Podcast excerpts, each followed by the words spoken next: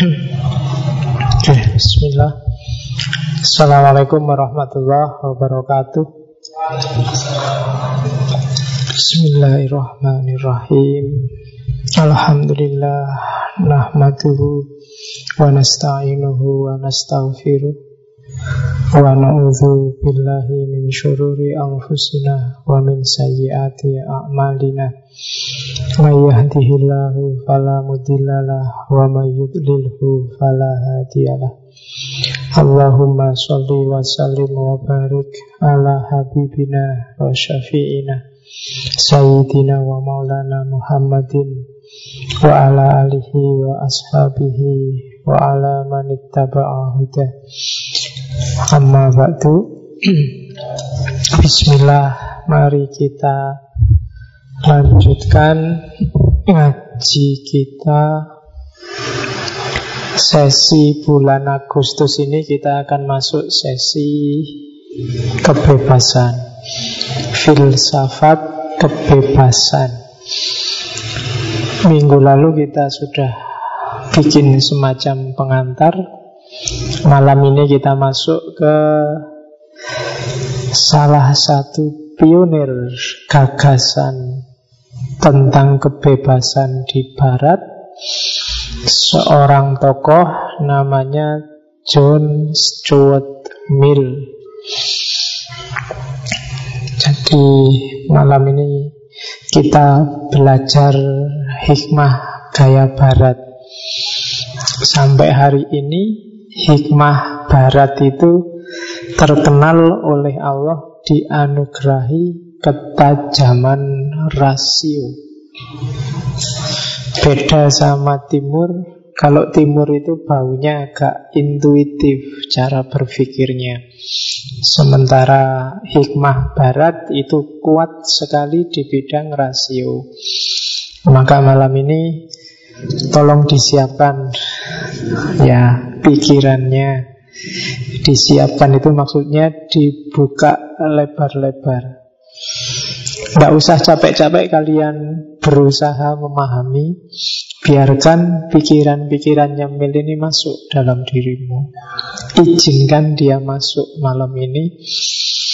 Cernalah Kalau ternyata kok kamu mencret Setelah mencerna mil ini Ya buanglah kan itu. Tidak usah ditahan-tahan Mencretkanlah saja Tidak apa-apa sampai habis. Tapi untuk sementara bukalah dirimu lebar-lebar apa sih yang ditawarkan oleh John Stuart Mill. Selama ini kita belajar mungkin agak capek, agak susah karena kamu gerakannya adalah gerakan meraih. Bahasa kita kan mencari ilmu. Bahkan ada yang sampai menuntut ilmu. Ya kan, opo salah ilmu kok kamu tuntut itu. Ya, jadi Tidak usah. Nanti kamu capek. Itu yang bikin kamu susah paham. Untuk paham itu simple. Bukalah dirimu lebar-lebar Biarkan wawasannya masuk. Nah itu kamu nggak capek. Pengetahuannya masuk. Tinggal kamu adaptasikan dengan modalmu selama ini. Ketika kamu mencari pengetahuan Kamu capek keluar dan itu yang bikin orang susah paham. Ketika pengetahuan kamu biarkan masuk, dia akan dialog sama hidupmu.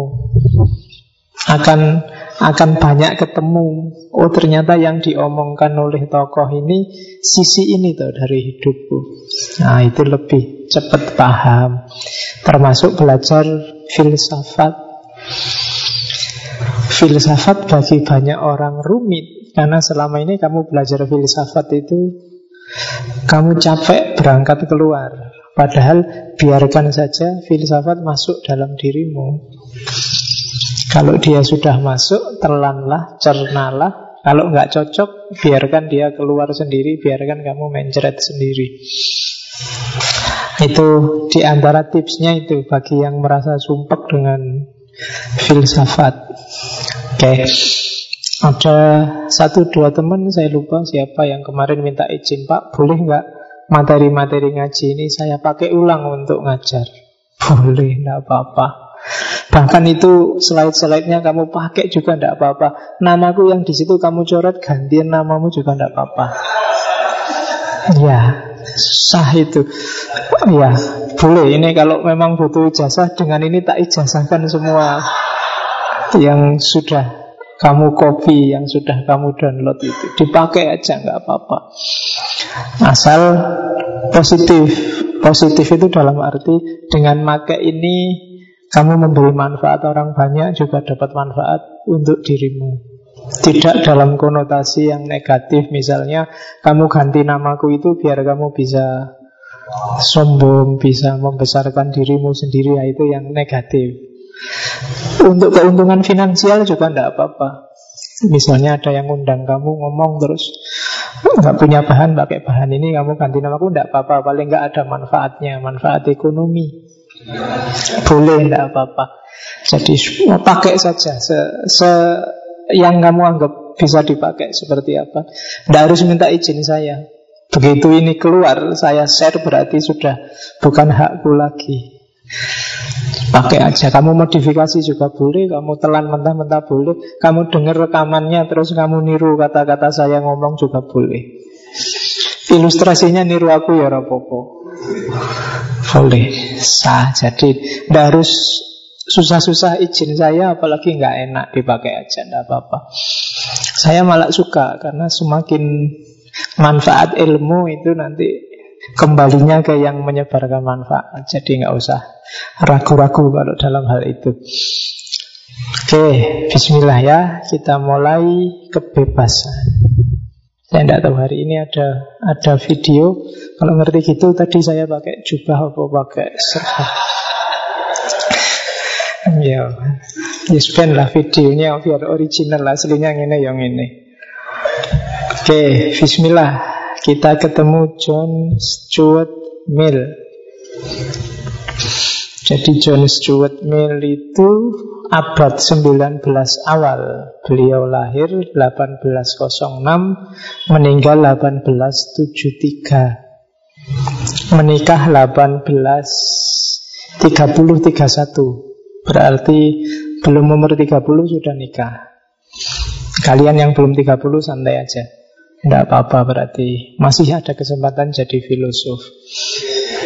Ya 1806 Cuma Mil ini nanti menikahnya Dia jatuh cinta sama istrinya temennya Seorang pengusaha, saudagar. Cuma dia orang baik, tidak mau selingkuh. Nunggu yang dia sukai jadi janda dulu baru dinikahi. Jadi kutunggu jandamu. Itu prinsipnya mil. Kaya untungnya meninggalnya cepat suaminya yang ditaksir itu sehingga sebelum dia umur 30 sudah bisa dinikahi. Namanya Harriet Taylor itu istrinya. Stuart Mill ini lahirnya di Inggris, London, nanti meninggalnya di Perancis. Termasuk salah seorang tokoh empirisisme. Kalau Inggris kan memang dikenal filsafat empirisismenya. Beda sama Perancis yang dikenal rasional. Tapi nanti dia, dia berkarir dan mengakhiri hidupnya di Perancis. Oke, karya-karyanya saya tulis empat yang paling terkenal.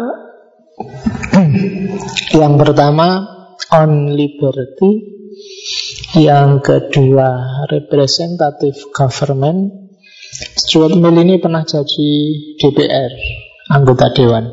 Yang ketiga utilitarianisme, dia dikenal sebagai tokoh utilitarianis karena dia belajar pada tokoh utilitarian sebelumnya namanya Jeremy Bentham. Bentham ini pamannya. Dia ponaannya Jeremy Bentham dan sepakat dengan gagasan Pak D-nya dikembangkan dengan beberapa modifikasi. Bapaknya namanya James Mill, sama-sama Mill, sama-sama filosof. Kemudian yang keempat itu tulisan yang didedikasikan untuk istrinya Yang tadi On the subjection of woman Bagi yang tertarik, belum saya masukkan di buku Filosof Juga Manusia itu ada beberapa kisah cinta yang luar biasa ketika Mil jatuh cinta sama Harriet.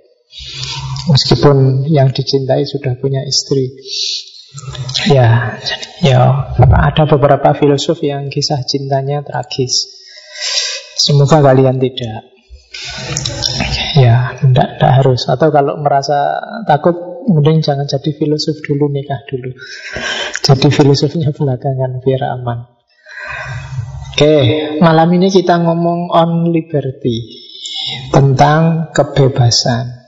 Gagasan yang lain, utilitarian dan lain-lain kapan-kapan kita ngomong. Khususnya kalau masuk fase etika. On liberty ini sebenarnya etika juga, cuma arahnya adalah etika politik. Kalau minggu lalu kita banyak ngomong tentang etika individual, malam ini kita masuk ke ranah sosial politik dengan on liberty-nya John Stuart Mill. Gambarnya seperti itu orangnya.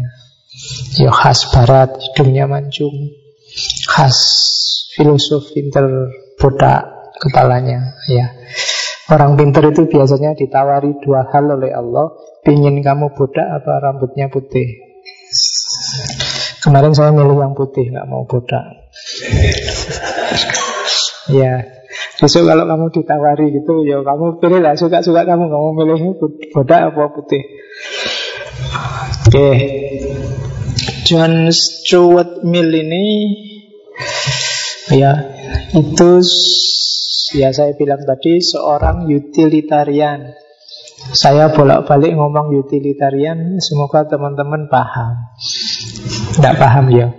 Utilitarian itu pandangan etis bahwa yang disebut baik itu adalah yang memberi manfaat paling besar bagi paling banyak orang. Nah, jadi baik itu mana yang manfaatnya paling besar bagi paling banyak orang. Ngaji pakai laptop itu mungkin ada yang tidak suka, tapi harusnya dia baik kalau ah, jumlah yang tidak suka dengan jumlah yang suka itu besar yang suka, maka dia baik. Dan manfaatnya lebih banyak pada yang suka. Jadi manfaat paling besar untuk paling banyak orang. Ini kan mengasumsikan tidak mungkin manusia itu bisa sepakat semuanya untuk satu hal. Kalau kita menunggu orang bisa sepakat, mungkin apa-apa jadi nggak jalan. Kalau tak survei ngaji ini, enaknya kopi susu apa kopi hitam? Itu mesti nggak selesai. Kamu survei eh, kopi susu apa kopi hitam? Oh, enggak, akan selesai. Maka kalau pakai prinsip utilitarian, di voting suara paling banyak. Oh berarti mana yang memberi manfaat paling banyak bagi sebagian paling besar orang. Nah itu namanya prinsip utilitarian. Kalau kalian mikirnya seperti ini namanya utilitarian. Jadi baik buruk itu tergantung suara terbanyak. Kalau suara terbanyak bilang sudahlah ngaji, nggak usah kopi-kopinan, nggak usah minum-minuman. Nah, ngopi dan minum itu jadi baik. Nggak ngopi dan nggak minum itu jadi baik. Ngopi dan minum jadi salah. Itu utilitarian. Itu prinsip dari John Stuart Mill. Yang kedua dia seorang kemarin di filsafat kebahagiaan, eudaimonis. Orang yang menganggap bahwa kebaikan tertinggi itu kebahagiaan. Jadi hidup itu tujuannya cuma satu, gimana caranya orang bahagia. Itu eudaimonis namanya. Jadi kalau kamu ditanya, apa sih tujuan hidupmu? Pengen bahagia Pak. Nah, kamu berarti masuk aliran eudaimonis.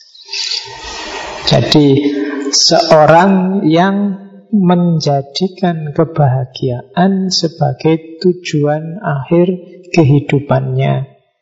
Maka prinsip hidupnya mana yang membawa pada kebahagiaan itulah yang baik dan yang tidak membawa kebahagiaan itulah yang jelek.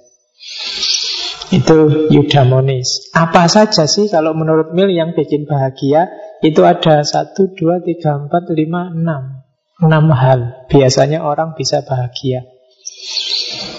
Yang pertama, sense of dignity. Rasa berharga. Bahasa Indonesia ini harga diri. Jadi orang yang masih merasa dirinya berharga itu biasanya masih bahagia. Ya nama lainnya berharga itu ya mungkin masih nganggap dirinya ada nilainya, masih nganggap dirinya penting. Kan ada orang itu, aku itu sudah rusak, aku itu sudah tidak ada nilainya, aku itu sudah, itu pasti dia tidak bahagia. Orang yang merasa dirinya Ah, apalah aku ini Itu mesti dia ada sumpek dalam hidupnya. Jadi sense of dignity. Saya tidak tahu Semahal apa kalian menilai dirimu Tapi tetaplah punya harga. Jadi kalian harus punya dignity Punya martabat Syukur-syukur nggak dijual murah. Ya, biasanya kalau ada maunya kan terus kamu turunkan harga. Oke, okay. sense of dignity. Jangan gampang-gampang turun harga. Ya diskon sekali-sekali tapi jangan turun banyak-banyak, apalagi diobral. Begitu kamu obral dan laku murah, nah itu sumber kamu nanti jadi nggak bahagia. Karena begitu hargamu jatuh, nilaimu jatuh, martabatmu jatuh, ya kenanya kamu sendiri. Hidup yang tidak bernilai itu kan menyengsarakan yang punya hidup. Oke. Okay. Ya, kamu cari contoh sendiri untuk hidupmu. Biasanya setiap orang punya prinsip. Di situ dia membangun jati diri. Aku ini orang yang A, aku ini orang yang B. Nah, di situ kan kamu membangun labelmu sendiri. Di situ biasanya orang membangun derajat dan martabatnya. Kadang-kadang sampai pencitraan segala. Hmm, ingin dicitrakan sebagai anak gaul Terus ke mana-mana pakai jeans sobek-sobek Pakai kaos yang slim fit itu Sehingga perutnya kelihatan yang six packs Pakai, nah itu biasanya dalam konteks ini membangun citra dirimu, dignity. Itu salah satu sebenarnya sumber kebahagiaan. Kalau yang ini terus bagi orang lain nggak berharga kan kamu sumpek. Sudah pakai jin sobek-sobek nganggapnya kamu kok ndeso banget ya. Itu kan kamu langsung jatuh harga. Padahal sudah pingin dianggap kayak anak gaul loh. Malah dianggap anak deso gimana tuh. Itu kan kamu galau, gelisah. Padahal sudah ke mana-mana pakai sarung, pakai kopiah, pakai sorban, bawa tasbih, kok masih dianggap sekuler itu piye to ya? Nah, itu kan kamu tidak bahagia, kamu nggak dihargai sebagaimana harga yang sudah kamu tempelkan pada dirimu. Nah, itu katanya Mil sumber ketidakbahagiaan, sense of dignity. Yang kedua liberty, semua yang membatasimu, mengekangmu dari keinginan-keinginanmu itu pasti sumber ketidakbahagiaan. Jadi untuk bahagia dignity kamu harus jadi orang yang bermartabat, yang kedua bebas. Semahal apa pun nilaimu, kalau tidak lahir dari tindakan sadar dan pilihan bebasmu sendiri biasanya tidak berharga. Ngaji ini bagus, penting, tapi kalau kamu terpaksa di sini, misalnya temanmu sak kamar, sak kos mau ngaji, ndak enak, diajak nggak mau, pilih ikut, itu kan ndak ada harganya. Bukan karena keinginan bebasmu sendiri. Yang kedua liberty. Biasanya kamu tidak bahagia. Mau ngaji kayak gini kamu kan tersiksa. Dua jam loh kamu tak siksa ngaji. Jangan salah. Itu siksaan luar biasa kan. Liberty. Maka pilihlah tindakan sadarmu sendiri, pilihanmu sendiri. Kamu akan bahagia. Secakep apa pun pasangan, pacar, kalau bukan pilihanmu sendiri kan gak enak. Meskipun kamu punya jargon terjebak dengan pacar yang cantik. Kepeksa. Saya terpaksa sekali punya pacar cantik. Itu kan gak enak. Jadi yang enak meskipun jelek pilihannya sendiri. Nah itu liberty. Itu prinsip kebahagiaan. Yang ketiga security. Itu jelas. Was-was nggak aman itu pasti bikin orang nggak bahagia. Yang keempat individuality individualitas, kemandirian jati dirimu. Kamu eksis sebagai dirimu sendiri, itu individualitas. Kemudian yang keempat harmoni. Harmonious development of oneself. Hidupmu harmonis, selaras, se apa? Iramanya itu konstan sehubungan dengan orang-orang sekelilingmu. Dan irama batinmu juga tenang itu harmonius. Harmoni.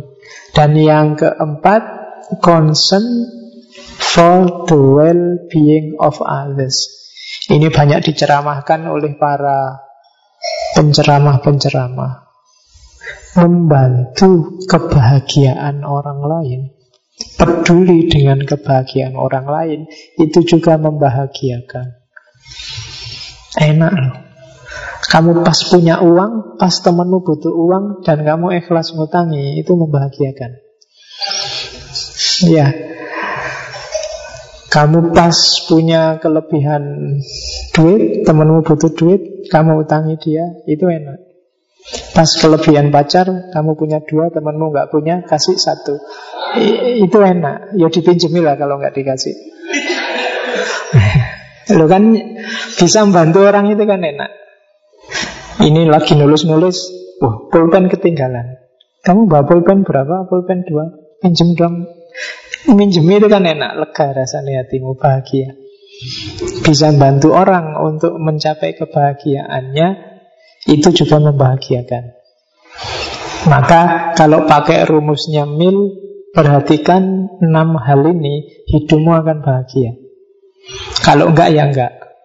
Kalau di sini tidak punya martabat, harga dirimu hancur-hancuran, kamu enggak bebas, enggak aman, selalu diganggu orang, kamu enggak mandiri, hidupmu enggak harmonis, kacau, lahir batin. Bantu orang apalagi wong dirimu sendiri jungkir balik. Ya, berarti pasti kamu tidak bahagia. Enam itu kalau muncul semua bareng, hidupmu pasti bahagia. Nah itu rumusnya Mil. Oke, dan itulah sebenarnya tujuan hidup, katanya Mil. Oke, malam ini kita fokus ke liberty, kebahagiaan, eh kebebasan. Dan ini rumusnya kebahagiaannya Mil. Jadi action are right in proportion as they tend to promote happiness. Wrong as they tend to produce the reverse of happiness. By happiness is intended pleasure and the absence of pain. Jadi moralitas itu benar salah itu rumusnya simpel katanya Mill. Satu tindakan itu benar kalau bisa meningkatkan kebahagiaan. Dan dia salah kalau menjauhkan orang kebalikannya dari kebahagiaan. Orang semakin jauh dari bahagia, pasti tindakanmu salah. Tindakan yang bikin kamu nggak aman, nggak secure, pasti salah. Tindakan yang bikin harga dirimu jatuh, pasti salah. Tindakan yang membelenggu dirimu Tidak malah membebaskan Itu pasti salah katanya Mil Tindakan yang malah menghalang-halangi kebahagiaannya orang lain Pasti juga salah Maka katanya Mil, kebenaran itu kalau membawamu lebih dekat pada kebahagiaan dan yang disebut salah itu kebalikannya, membuat kamu semakin jauh dari kebahagiaan. Terus katanya Mil, bahagia itu kesenangan yang kita inginkan. Itu namanya bahagia. Senang tapi tidak kita inginkan, ya tidak bahagia. Jadi simpel rumusnya. Seneng yang kita inginkan dan nggak sakit, nggak sumpek, nggak susah. Jadi kalau ada orang tanya bahagia itu apa? Senang dan tidak susah. Jadi rumusnya nggak jelimet-jelimet. Jadi nggak pakai kayak kemarin di filsafat kebahagiaan panjang lebar itu rumit, enggak. Bahagia itu senang dan nggak susah. Kalau masih ada susahnya berarti belum bahagia. Ya, kalau senengnya hilang berarti belum bahagia. Oke, jadi katanya Mil simple, hidupmu itu tidak usah pusing-pusing belajar mana baik, mana bu, mana moralitas, mana kalau pakai bahasa seneng kan, yang bikin kamu lebih dekat pada kesenangan dan bikin kamu semakin jauh dari kesusahan, itulah bahagia dan itulah kebaikan. Nah, jadi ya contohnya semua yang kamu lakukan hari ini itu bisa jadi perbuatan yang benar. Misalnya ini kok ngomong setengah jam rotok haus ya, harusnya minum. Minum itu pasti kebenaran. Karena apa? Mendekatkan pada bahagia. Bahagia setelah hausnya hilang. Jadi seneng. Haus itu kan sakit hausnya hilang itu berarti senang. Maka minum itu termasuk tindakan menuju kebahagiaan dan dia pasti tindakan yang benar. Tidak mungkin dihisap oleh Allah dianggap salah gara-gara minum. Nah, rumusnya simpel, nunggu diminum. Oke. Okay.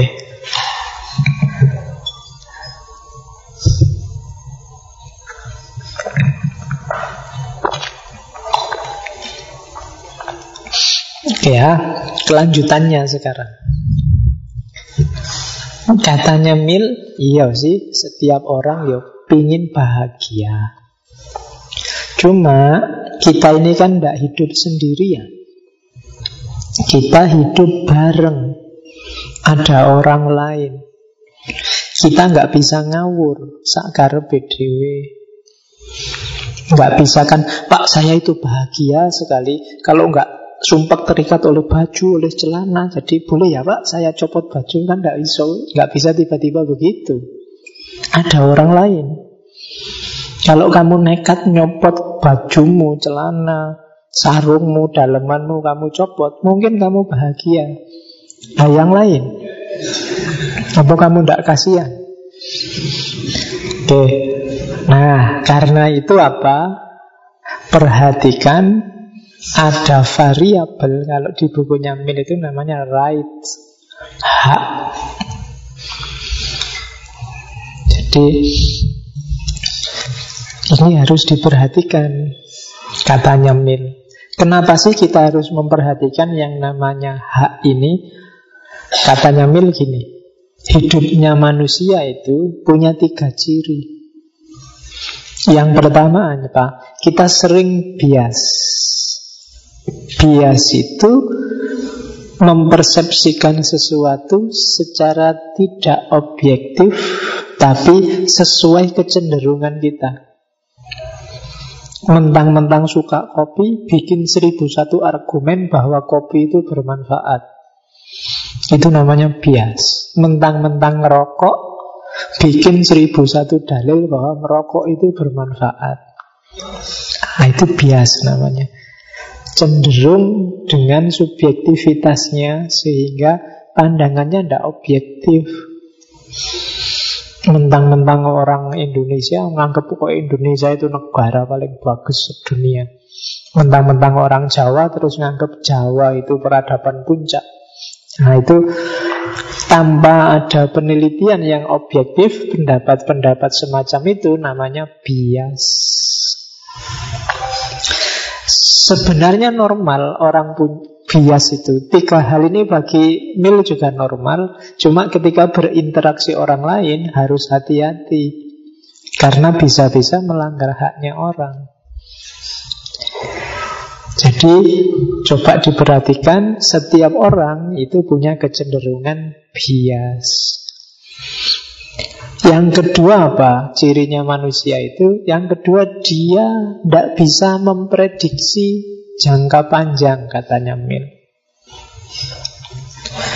Sepinter-pinternya orang prediksinya paling banter jarak 1, 2, 3, 4, 5, 10 tahun. Tapi melampaui itu biasanya sudah nggak mampu. Kemampuan prediksinya. Kalau kamu belajar, kamu akan pinter. Nah itu paling paling sampai pinter itu kan paling berapa tahun lagi? Simple. Jarak-jarak dekat.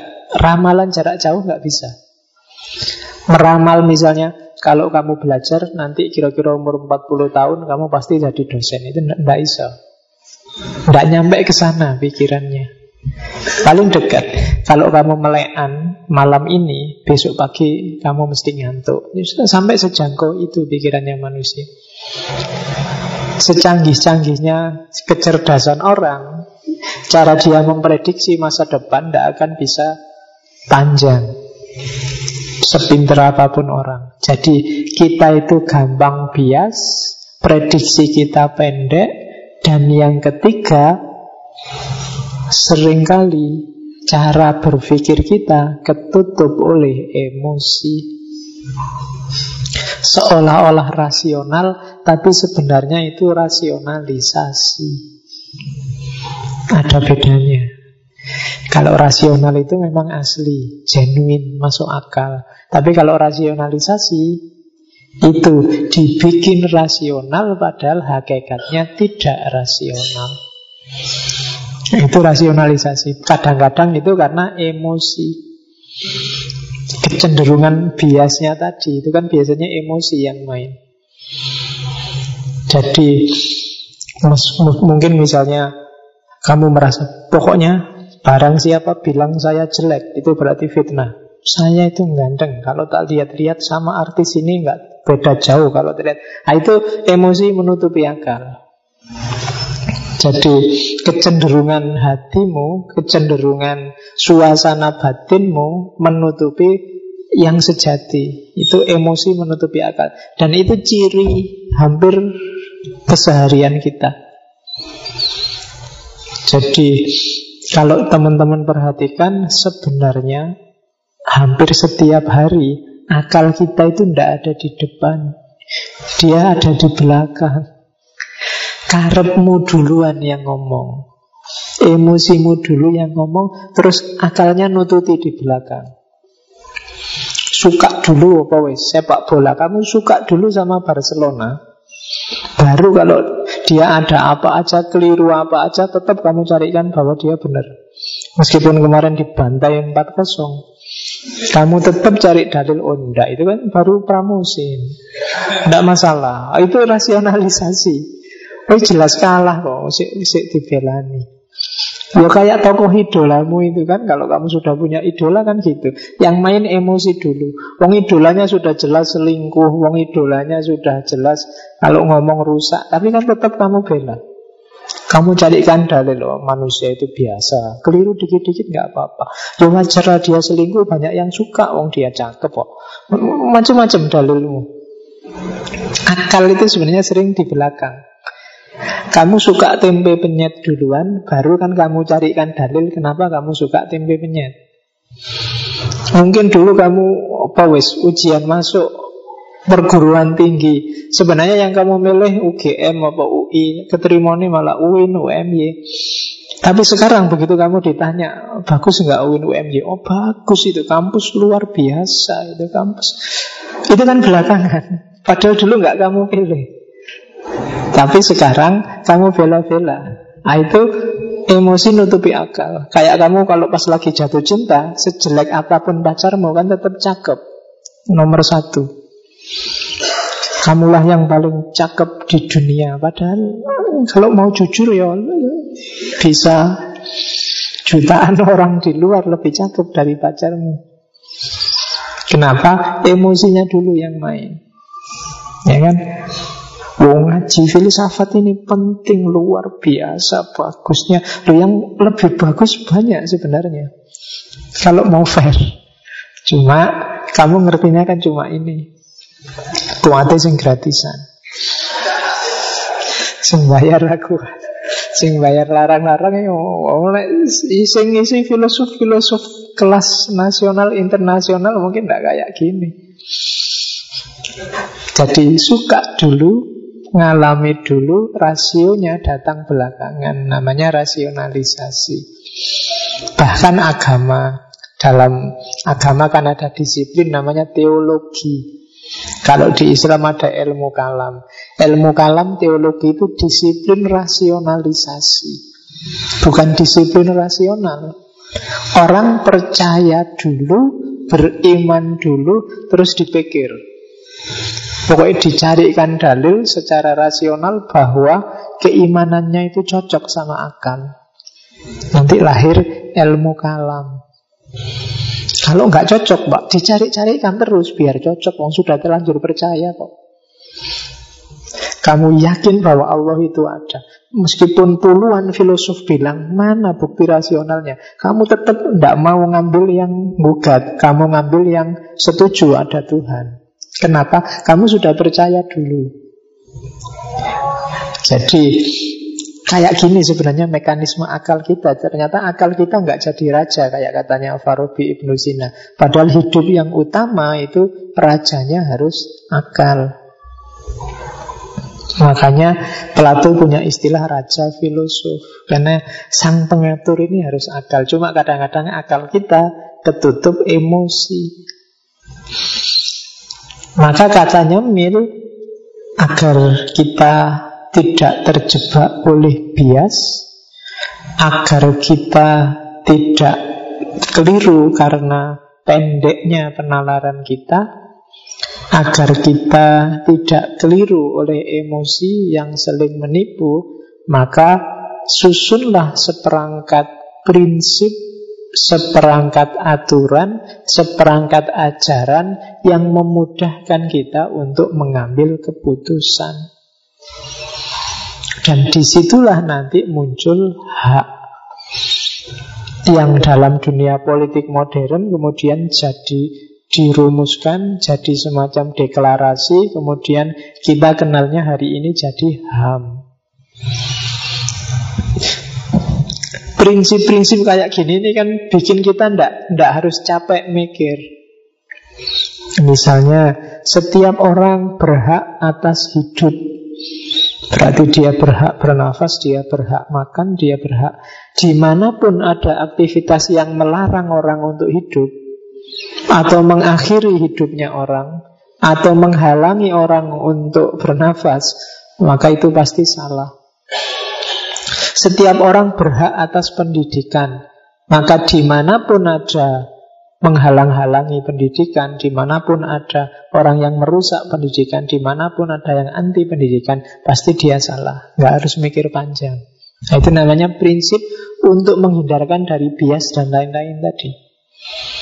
Di situlah gunanya aturan di situ gunanya undang-undang biar kita tidak terlalu capek mikir ya dipikir semua sih bisa direnungkan sendiri bahwa kita nggak boleh maling, kita nggak boleh ngerampok, kita nggak boleh bunuh orang bisa.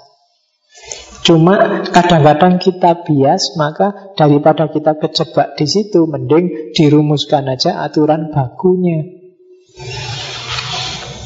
Kadang-kadang kalau di agama kan yang kayak gini-gini dibantu oleh Allah lewat kitab sucinya. Nabi Musa dikasih 10 dilarang bunuh, dilarang macam-macam itu kan 10. Itu kan untuk biar kita nggak capek. Meskipun kalau kita mikir sendiri juga bisa. Cuma kadang-kadang pikiran kita kan sok keliru. Karena macam-macam sebab tadi. Nah, maka katanya Mil, perlulah kita hidup ada prinsip-prinsip sosial, ada aturan-aturan, ada hukum-hukum dalam rangka menghindari bias dan lain-lain tadi. Nah, itu katanya Mil. Oke, nah terus Apa yang utama katanya Mil dari hak-hak tadi?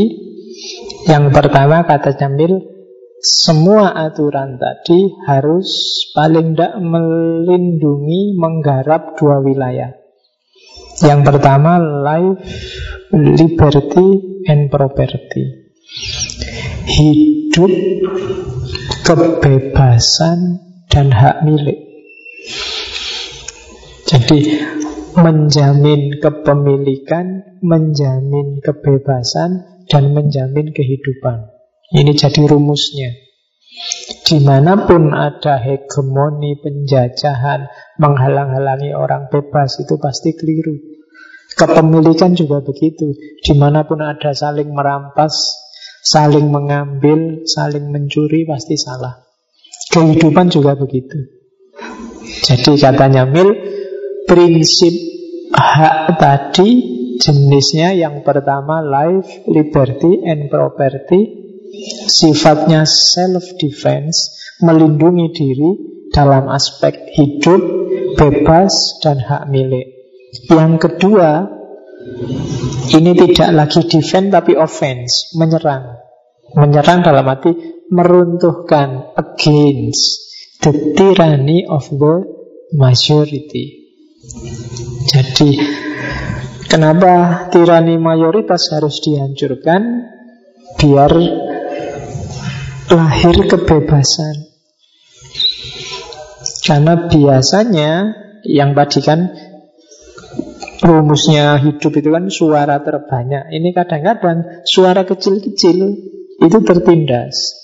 Padahal suara kecil-kecil ini penting. Ini nanti jadi dasar teorinya Mill tentang kebebasan berpendapat. Saya kemarin susah menerjemahkan freedom of speech itu. Kalau mana literalnya sih speech itu ngomong ngasih ceramah. Cuma uraiannya kalau mau tak bilang freedom of speech bebas ngomong, kok ketoknya tidak pas. Jadi karena bebas ngomong itu karena ngomong itu sifatnya agak biologis. Kebetulan saya dibantu hari ini kan saya agak sariawan. Jadi tak pikir-pikir iya ya Bebas ngomong itu terserah sebenarnya kamu ngomong Tapi begitu kamu sariawan nggak akan kamu bisa bebas ngomong Jadi fokusnya ternyata bukan di ngomongnya Tapi di mikirnya Karena sebelum ngomong itu kan orang harus mikir dulu Kecuali orang yang agak telemi Mikirnya telat Ngomong dulu tapi dia tidak paham Nah, maka freedom of speech akhirnya lebih suka saya terjemahkan bebas berpendapat, bukan bebas berbicara. Jadi bebas berpendapat itu berarti apa? Mengutarakan pikiran, tidak sekedar ngomong. Hari ini kan banyak teman-teman yang isinya cuma sekedar ngomong. Ya contohnya oke, kalau nggak percaya bukaan WA-mu. Bukaan Facebookmu itu kan banyak yang sekedar ngomong. Pagi-pagi sudah pada masuk Duing, duing, duing Selamat pagi Ada yang Assalamualaikum Ada yang Itu sekedar ngomong Di balik itu tidak ada pemikiran yang melatarinya Tidak ada sesuatu yang ingin disampaikan Just say Hanya ngomong Maka Freedom of speech itu sebenarnya menurut saya pasnya adalah bebas berpendapat. Kalau berpendapat itu berarti ada gagasan yang ingin disampaikan. Nah itu nanti masuk against the tyranny of majority. Di belakang akan kita eksplor banyak. Kalau sekedar ngomong, tidak bebas orang ngomong. Pasti nggak bebas. Tak kasih contoh. Kalau kalian tak suruh ngomong pakai bahasa Arab, pasti keluarnya innalillahi. Monggo mas ngomong bahasa Arab. Astagfirullah, Pak. Innalillahi, Pak. Saya tidak bisa, Pak, ngomong bahasa Arab kan gitu. Apalagi tak suruh ngomong bahasa Inggris. Kamu bisanya cuma iya sama no. Terserah, silahkan ngomong aja. Pakai bahasa Inggris. Tidak bisa. Itu kan nggak mungkin orang bisa bebas ngomong itu tidak bisa. Monggo mas bebas Cerita aja Kayak gimana sih pikirannya John Stuart Mill Mesti kamu Bebas mas ngomong aja Iya Pak Neng saya tidak bisa ngomong Ada yang membatasi banyak hal yang kemarin kan yang kita masuk yang individual itu kan Ada determinasi sosial, ada determinasi biologis, ada determinasi psikologis, ada banyak hal. Kalau sama temen sesama jenis, cerewetnya minta ampun, begitu ketemu lawan jenis, diem. Ya kan, nggak berani ngomong. Mau say hello aja gemeteran. Kalau kayak gini kan kamu nggak bisa. Ayo ngomong dong. Itu kan hakmu, freedom of speech. Nggak iso, gemeteran. Jadi maka saya lebih suka menerjemahkan freedom of speech itu bebas berpendapat, bukan bebas ngomong. Oke, nanti kita bahas banyak di belakang. Nah, katanya Mil, kebebasan itu hanya untuk orang dewasa dan berakal, rasional. Semua prinsip-prinsip kebebasan yang nanti dibahas itu hanya untuk orang yang sudah dewasa. Anak-anak tidak kena hukum ini. Tidak kena hukum prinsip kebebasan. Orang tua juga begitu. Ya, apalagi yang sudah agak pikun juga. Orang tua yang atau yang pikirannya tidak nyampe juga tidak masuk. Tidak kena khitab kebebasan. Bebas itu hanya untuk orang dewasa dan berakal. Jadi kalau di sini ada yang merasa belum balik, belum dewasa, enggak, berarti tidak kena khitab untuk bebas. Kalian boleh tidak bebas. Tapi orang dewasa harusnya dia bebas. Kalau dalam bahasa agamanya balik. Balik itu sampai. Dulu kalau di desa, kenapa diartikan sampai? Dewasa itu cirinya tanganmu sudah bisa nyampe ke telinga. Nah itu ilustrasinya orang Jawa untuk mengartikan balik. Kalau di kitab-kitab kuning biasanya disebut mumayyiz. Mumayyiz itu bisa membedakan baik dan buruk. Berarti kamu dewasa. Kalau sebesar ini kok kalian masih kesulitan, saya susah ya Pak. Mana baik, mana buruk itu saya masih belum bisa membedakan. Berarti kalian belum balik. Ya, atau kadang-kadang kalau orang desa cirinya sudah sunat. Sudah sunat apa belum? Dengan asumsi kedewasaan itu Dimulai ketika seorang anak Punya kesadaran seksual. Dan kesadaran seksual itu Dikorelasikan dengan sudah sunat apa belum. Ada yang belum sunat nggak di sini? Kalau belum sunat ya sunat. Oke, okay. makanya kalau dalam Islam itu mualaf yang baru masuk Islam itu biasanya antara lain yang bikin mereka ngeri itu kan harus disunat. Karena ya kalau masih kecil disunat masih mending kalau sudah besar kan susah disunatnya, kasihan dokternya. Dan dagingnya kulitnya sudah alot itu. Oke, jadi hanya untuk orang dewasa dan berakal. Berarti apa? Manusia yang tidak bebas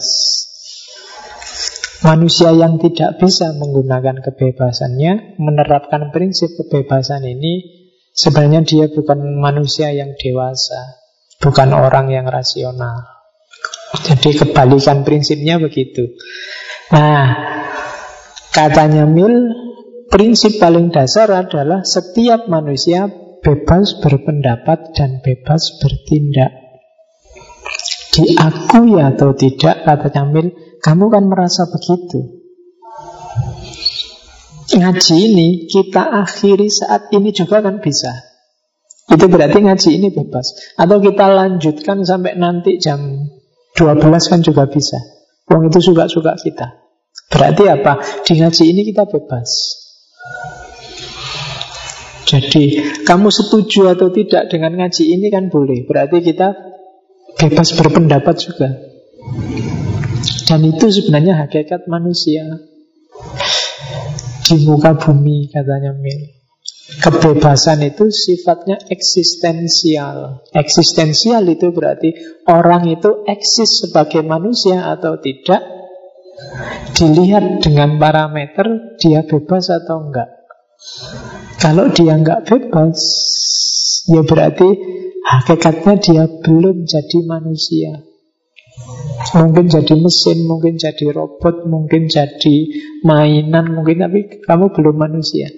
Untuk jadi manusia, kamu harus jadi individu yang bebas duluan. Kamu boleh kuliah, boleh tidak. Kamu boleh belajar, boleh enggak. Kamu boleh minum, boleh enggak. Pilihlah sendiri. Nah itu namanya bebas. Saya minum apa enggak kan pilihanku. Kamu tidak bisa maksa-maksa aku, merentah-merentah aku juga tidak bisa. Ini berarti saya bebas.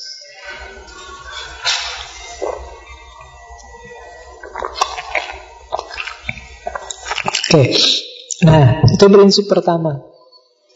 Prinsip kedua, ini kalimat terjemahan jadi agak agak rumit. Satu-satunya tujuan di mana manusia diperbolehkan baik secara individual atau sosial untuk melanggar kebebasan orang lain adalah dalam konteks melindungi diri. Jadi untuk well-beingmu Kalau bahasanya well-being itu kondisi yang baik Kebahagiaanmu yang dasar sebagai manusia Perlindungan dirimu dari gangguan Kamu boleh melanggar haknya orang lain. Kalau kamu terancam keselamatanmu Kamu boleh melanggar haknya orang lain. Contohnya banyak.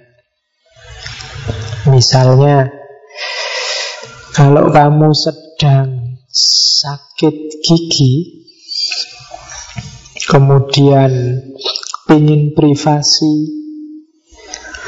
kemudian kamarmu kamu kunci, tidak mau diganggu orang lain, itu kan kadang-kadang kamu melanggar haknya temenmu yang mau bertamu. Aku kan bebas bertamu. Kok kamu kunci gimana? Nah, aku sedang sakit gigi ya. Itu kan dalam konteks perlindungan diri boleh. Orang tidak akan menganggap kamu salah di situ. Atau kamu kesakitan terus teriak. Disuntik sama dokter misalnya. Cuma itu kan teriak itu kan salah satu mekanisme perlindungan diri. Dan itu kadang-kadang melanggar haknya orang lain. Yang lain pengen tenang kamu teriak-teriak Nah itu boleh untuk melindungi diri. Tapi nggak boleh, nggak ada alasan apa-apa tengah malam kamu teriak. Kecuali ada maling, ada rampok di rumahmu ya teriak. Orang itu melindungi diri. Tetanggamu nggak akan marah datang, eh malam-malam teriak-teriak. Ada maling ini loh. Iya tapi jangan teriak dong. Waktunya orang tidur loh. Ada maling ya tidak apa-apa teriak. Meskipun hakmu, haknya tetanggamu dilanggar, wong kamu sedang butuh perlindungan, kamu ingin selamat. Nah itu haknya orang lain dilanggar. Katanya mil tidak apa-apa dalam konteks untuk keselamatanmu, perlindungan diri. Ya, yang ketiga katanya mil satu-satunya tujuan di mana negara penguasa apa kekuasaan aturan bisa diterapkan pada setiap orang meskipun berlawanan dengan keinginan mereka adalah untuk mencegah saling menyakiti hak orang lain. Jadi misalnya negara mengatur kayak yang kemarin heboh itu kan, tolong masjid kalau masih jam 2 apa 3 malam Yo jangan keras-keras mikrofonnya. Melanggar haknya tetangganya masjid untuk tidur. Nah, Ini prinsip ini Dari John Stuart Mill. Kamu nggak boleh protes Eh negara kok ikut-ikut? Ini kan urusan agama masing-masing. Lu enggak Ada katanya Mill Untuk urusan tabrakan hak. Negara boleh intervensi boleh melanggar haknya orang. Jadi itu yang ketiga. Di situ negara harus hadir, nggak boleh diem saja. Negara nggak boleh. Nah itu kan urusan agama masing-masing ya. Kita nggak ikut campur, nggak boleh. Katanya Mil, kalau ada tabrakan hak dalam anggota komunitas, yang punya kekuasaan dalam komunitas itu punya hak untuk intervensi. Jadi itu prinsip kebebasan yang ketiga. Jadi di Indonesia ini kan kadang kebolak-balik. Waktunya negara jangan intervensi, malah intervensi. Waktunya negara harus intervensi, diam saja itu kebalik. Bang sekolah sejak dulu ya juga sudah ada kok sekolah full day, sekolah nggak full day.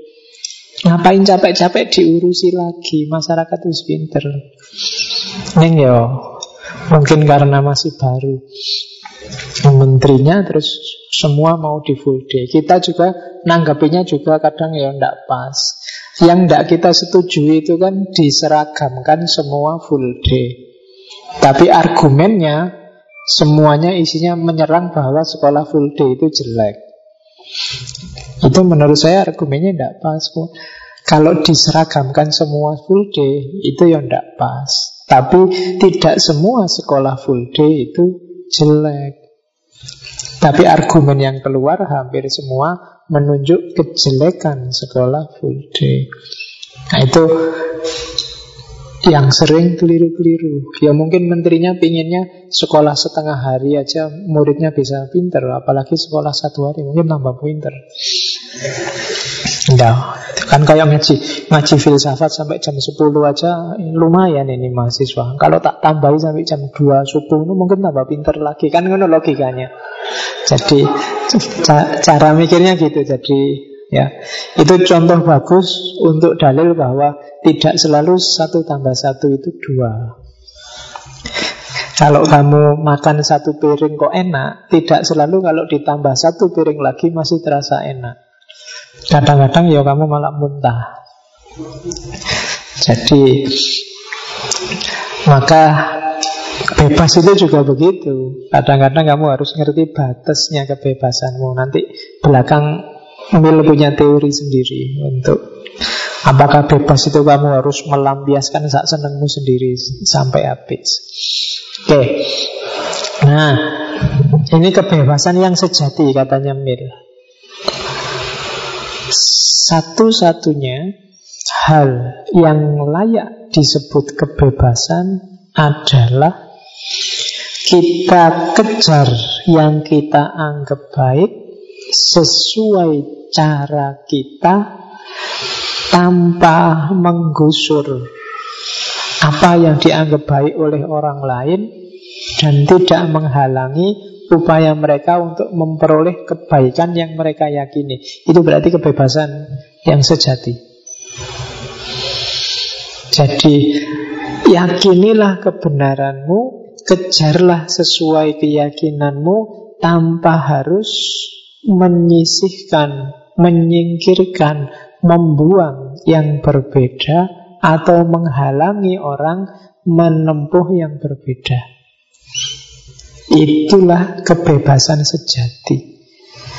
Tapi kalau kebebasanmu nabrak kebebasan orang lain, dengan kebebasanmu orang lain terhalangi untuk merealisasikan kebebasannya, itu belum kebebasan yang sejati. The only freedom we deserve the name is that of pursuing our own good. Jadi kita cari yang menurut kita baik. Oke. Kalau menurutmu mandi tengah malam itu baik, ya mandilah tengah malam. Tapi jangan ganggu haknya temanmu yang pengen tidur Apalagi bikin temenmu bangun kan gitu Kamu mandi boleh Tapi mandimu ya jangan sambil nyanyi keras-keras Jadi temenmu yang tidur bangun semua. Atau mau mandinya airnya kamu Puncrat-puncratin sampai kamar ya. Itu melanggar haknya orang lain. Kalau suaramu kamu bebas nyanyi, tapi kalau dengan kamu nyanyi temenmu jadi sumpek tambah alasan, haknya untuk tenang terganggu, yaitu kamu bebas tapi kebebasan yang kamu ekspresikan itu bukan kebebasan yang sejati.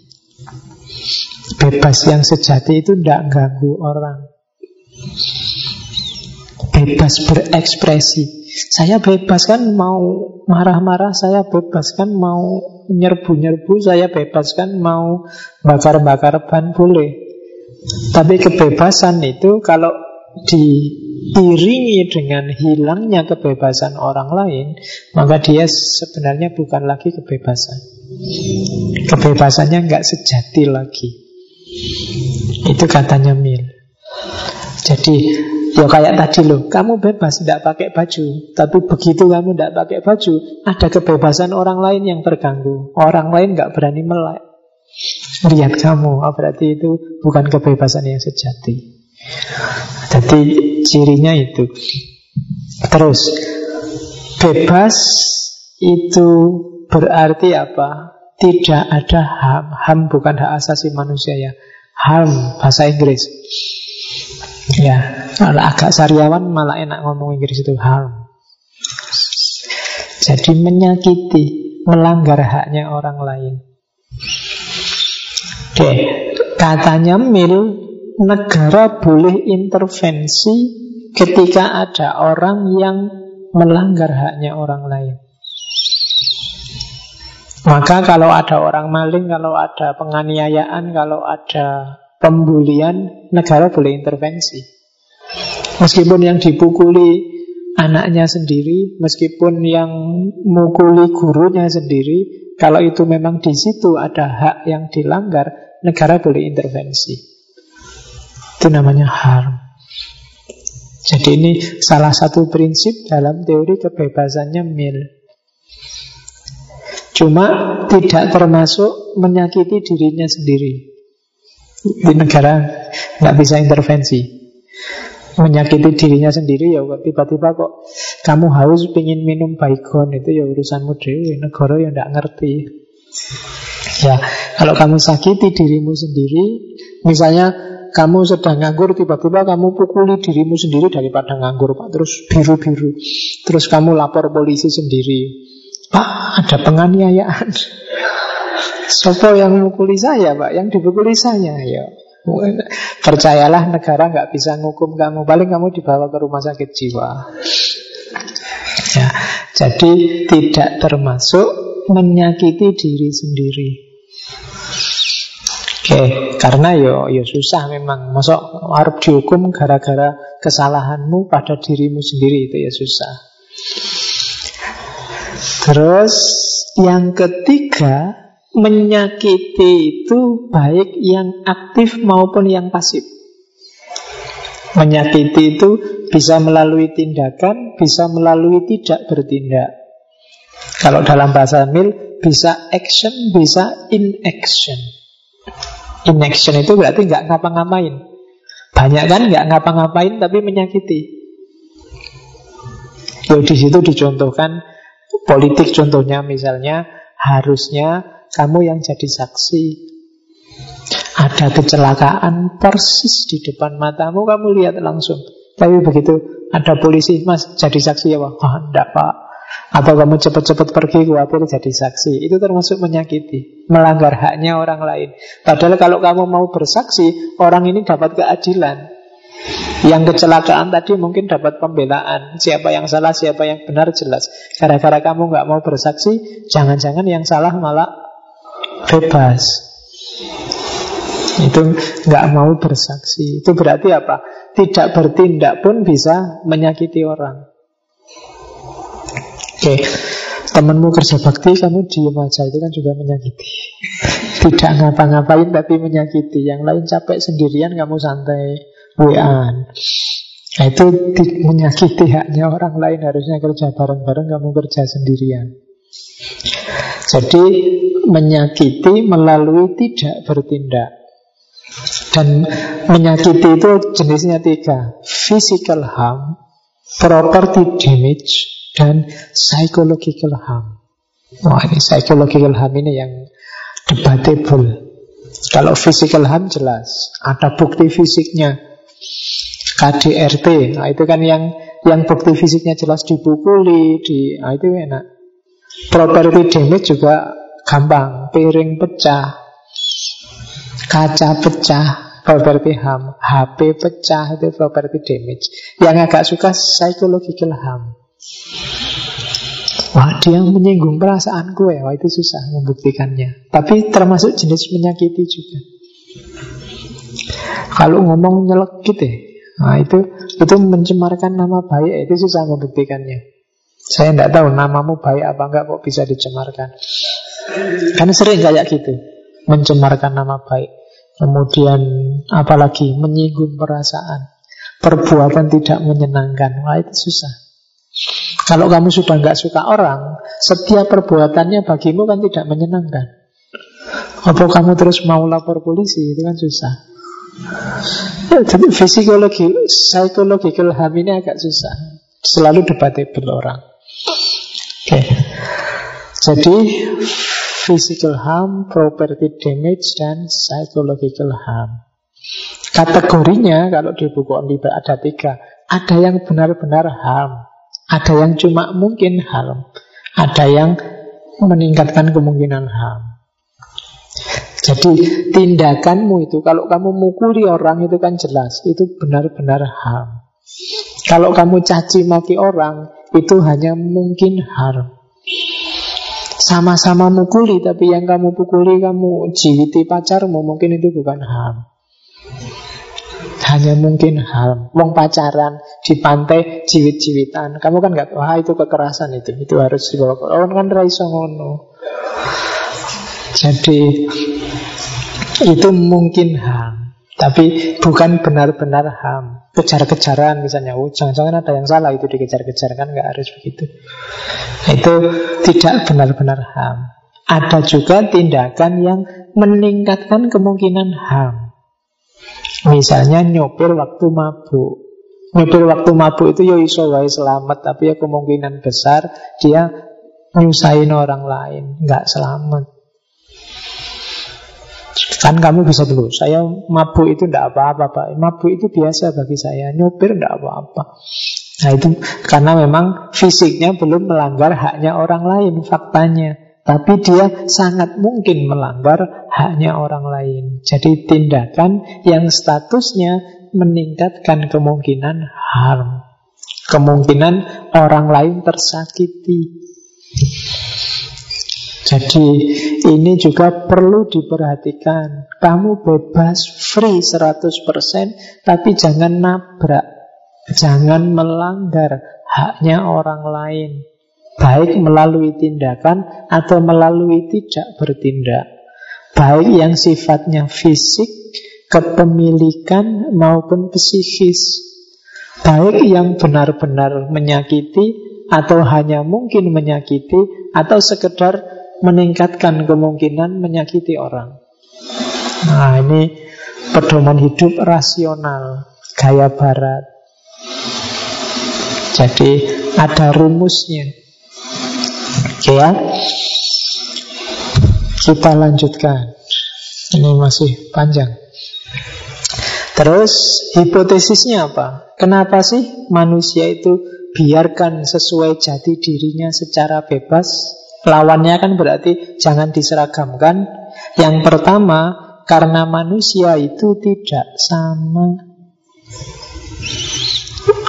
One size does not fit all. Nggak ada ukuran yang cocok untuk semua orang itu. Baju pun yang all size itu juga kadang-kadang nggak cocok. Baju all size itu kalau saya yang pakai mesti nggak cocok. Mesti kebesaran. Kamu yang tubuhnya gede tinggi pakai all size juga jadinya kekecilan. Tidak ada all size itu. Setiap orang punya size-nya sendiri-sendiri, punya ukurannya sendiri-sendiri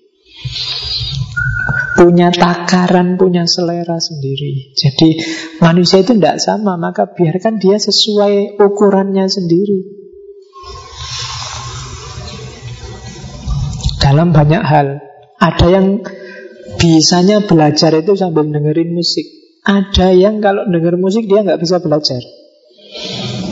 Ya monggo sesuai gayanya sendiri. Cuma yang yang bisanya belajar dengan dengerin musik ya jangan pakai sound system yang besar itu buat belajar pakai aja headset tapi silahkan dan jangan dilarang Kalau dilarang berarti kan nggak bebas. Kalau tiba-tiba keluar undang-undang belajar harus dalam kondisi tenang, matikan TV, matikan komputer, matikan HP, malah tidak jadi belajar. Kita belajarnya pakai komputer sekarang, pakai laptop. Jangan diseragamkan. Kayak di Jogja ini kan ada jam belajar. Jam belajar itu jam berapa? Jam 7 sampai jam 9. Padahal dulu saya kecil Katanya simbah saya belajar itu yang paling baik habis subuh. Bukan habis maghrib. Ini kan sebenarnya pilihan gaya, pilihan style Yang setiap orang beda-beda. Ada yang memang habis subuh lebih baik daripada habis maghrib. Habis maghrib sudah capek Sudah ngantuk. Kalau habis subuh masih seger. Tapi ada yang bilang Ya habis subuh itu yang ngantuk pak yang hafiz maghrib itu yang enak, yang seger itu gawanya sendiri-sendiri kan. Yang sukanya habis subuh yang monggo, yang habis maghrib yang monggo. Kalau diseragamkan apalagi dipaksa, susah nanti. Misalnya pokoknya jam 7 sampai jam 9 itu jam belajar. Semua TV dimatikan. Nanti yang bisa belajarnya sudah habis subuh kan protes. Loh saya sudah belajar tadi habis subuh. Kok TV-nya dimatiin lah ngapain lagi sekarang? Jadi one size does not fit all. Tidak cocok. Setiap orang punya gaya mau habis subuh, mau habis maghrib ya monggo. Kecuali yang subuhnya setengah delapan. itu urusannya beda nih. Bukan belajar habis subuh itu namanya itu. Belajar menjelang zuhur. Oke. Okay. Jadi prinsip pertama itu maka bebaskan orang sesuai gayanya sendiri-sendiri. Kadang-kadang tidak cuma gaya kan? Selera juga setiap orang beda-beda. Ada yang ke mana-mana pakai jaket Dan jaketnya itu aja Jadi bisa. Tiga bulan tiap hari ketemu ya yang dipakai itu aja. Ya benar itu selera. Ada yang tiap hari ganti baju. Ternyata ya pinjem bajunya temannya pokoknya main ke kos-kosan nono baju pakai nah, itu beda gaya Oke. Terus yang kedua, kenapa orang silahkan bebas sesuai gayanya sendiri-sendiri? Karena setiap orang, setiap kepala itu ya pasti lebih peduli pada dirinya sendiri, kebahagiaannya sendiri dibandingkan masyarakat. Jangan nunggu masyarakat mikir kebahagiaanmu. Jangan nunggu orang mencarikanmu jalan biar bahagia. Kamu sendiri yang ngerti. Kamu tidak bisa bilang, biarlah, aku tidak usah mikir kebahagiaanku. Yang penting teman-temanku bahagia semua. Tidak. Tidak manusiawi yang kayak gitu. Yang manusiawi itu ya mikir dirimu dulu, bahagiakan dirimu, dan kalau mungkin bahagiakan orang lain. Jangan jadi kalau di filsafat namanya altruis. Altruis itu kamu bunuh diri demi membahagiakan orang lain. Punyanya uang satu juta ya kalau memang harus sedekah ya sedekahkanlah 100, 200 ribu, 50 ribu tidak apa-apa. Jangan disedekahkan semua lah kamu dapat apa. Jadi setiap orang itu secara alamiah natural itu peduli pada tujuannya sendiri. Jangan nunggu masyarakat mikir kebahagiaanmu, maka pilih jalanmu sendiri. Itu asumsi kedua. Kamu yang ngerti jalan kebahagiaanmu. Jangan diwakilkan ke orang lain. Jangan, mas belajar yuk. Ini lampunya nyala apa lampunya mati? Ah, suka-suka sampean lah. Itu biasanya kamu tidak akan ketemu kebahagiaanmu. Kalau memang sukanya belajar lampu nyala, ya dinyalakan. Kalau maunya belajar lampu mati, belajar apa? Uang lampunya mati. Lah ya lampunya mati kan belajarnya mesti bukan baca buku itu. Oke, belajar bersama mesti. Oke, yo ngaji kan bisa, tahajud, tahfid bersama. Oke, terus yang ketiga, karena ada sangat banyak jalan untuk mencapai kebahagiaan, jalan yang paling baik untuk memperolehnya adalah silahkan setiap orang, setiap anggota masyarakat milih jalan sendiri. Memilihlah sendiri yang bikin kalian nyaman, bikin kalian bahagia. Kalau dipatok secara sosial, secara bareng-bareng, biasanya terus jadi nggak bahagia semua. Ya kayak kalian ngaji ini loh kan. Yang datang silahkan mau milih duduk di depan sini, di belakang, mau sendenan, mau plesetan silahkan. Yang bikin kamu nyaman aja mana. Itu lebih kondusif secara sosial. Dibandingkan kalau harus diatur. Pokoknya ngaji ini nggak jalan kalau nggak baris di depan ini satu-satu sampai belakang. Awas kalau nggak gitu, nggak saya mulai ngajinya. Nggak nyaman kamu ngaji. Kalau di depan sini kamu nggak bisa kelesetan, nggak bisa. Bukan gayamu. Nah, maka setiap orang cari gaya sendiri. Yang memang suka duduk di depan sini, duduklah di depan. Yang kamu lebih bisa konsen kalau diam-diam di belakang tidak ada yang tahu, ya tidak apa-apa, duduklah di belakang. Nah, itu lebih membebaskan dan lebih mudah sampai pada kebahagiaan. Oke, terus kenapa harus begitu? Katanya Mil, justru yang kayak gitu itu manfaatnya besar. Dengan kita bebas, kita mikir sendiri, memutuskan sendiri. Kalau sudah begitu, kita tumbuh, kita berkembang, kita belajar tanggung jawab, belajar ngerti sukses dan kalah, dan belajar dari kegagalan orang lain. Jadi katanya Mil, kalau itu keputusan sendiri, kan nanti kita dituntut untuk tanggung jawab sendiri. Pak saya duduk di belakang Tidak terlalu kedengeran ya Pak Ya salahmu dewe Tanggung sendiri resikonya yang di belakang Pak saya duduk di depan nggak berani ngantuk ya Pak Salahmu dewe lembung ngarep Kan gitu Tanggung jawab Tanggung sendiri resikonya Wong pilih pilihanmu sendiri Dan Nanti berhasil atau gagalnya Akan kamu nikmati sendiri Jadi bukan orang lain. Kalau kamu dipaksa orang lain, diatur orang lain, kalau sukses sih mending, kalau gagal kan sakitnya luar biasa. Sudah bukan pilihanmu sendiri dan gagal. Jadi itu pentingnya kebebasan. Dan dengan kamu milih jalan sendiri Termasuk juga kamu bisa belajar dari kegagalan orang lain Lo orang lain kayak gitu kok ngantuk Oh saya nggak usah gitu deh nah, Itu kan belajar dari orang lain Tapi kalau diseragamkan semua proses tumbuh, proses tanggung jawab, pengalaman sukses dan gagal, belajar dari kegagalan orang lain, tidak akan kalian temui. Wong cuma dipaksa, wong bukan pilihanmu sendiri, wong hanya ikut aturannya. Jadi satu, dua, tiga, empat Itu hipotesisnya. Kenapa orang harus bebas? Terus Tujuan pemerintah. Ya, tujuan pemerintah itu menjamin kebebasan dan menghalangi melanggar kebebasan orang lain. Kenapa harus kebebasan itu dijamin? Karena bebas itu konotasinya orang kreatif. Dan kalau sudah kreatif itu hasil akhirnya adalah perkembangan, kemajuan. Kenapa? Ada hal baru terus. Itu loh.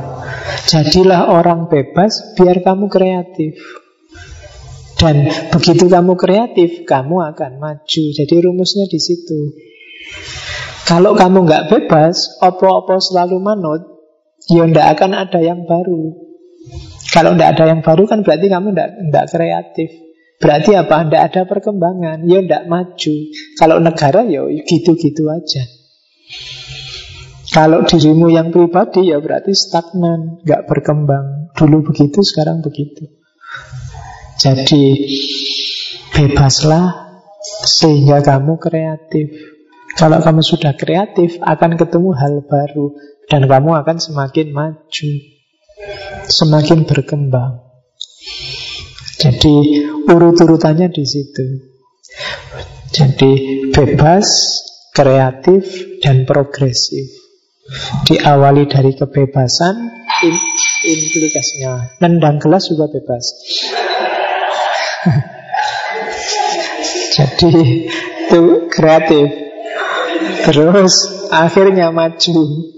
Maju itu kan terus jadi gak ya enaknya kalau gelas ditendang biar nggak pecah. Besok gelasnya diganti plastik, wae kan bisa gitu. Oke, jadi itu tujuan adanya pemerintah. Ini rumusannya Mil. Liberal itu apa sih?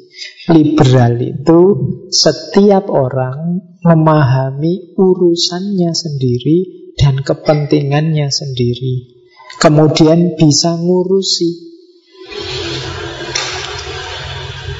Jadi aku ngerti urusanku itu apa, aku paham tujuanku ke mana, dan aku bisa menghandle ini semua.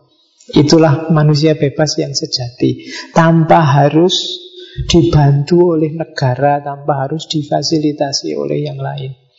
Oleh lembaga apa pun Oleh media apa pun.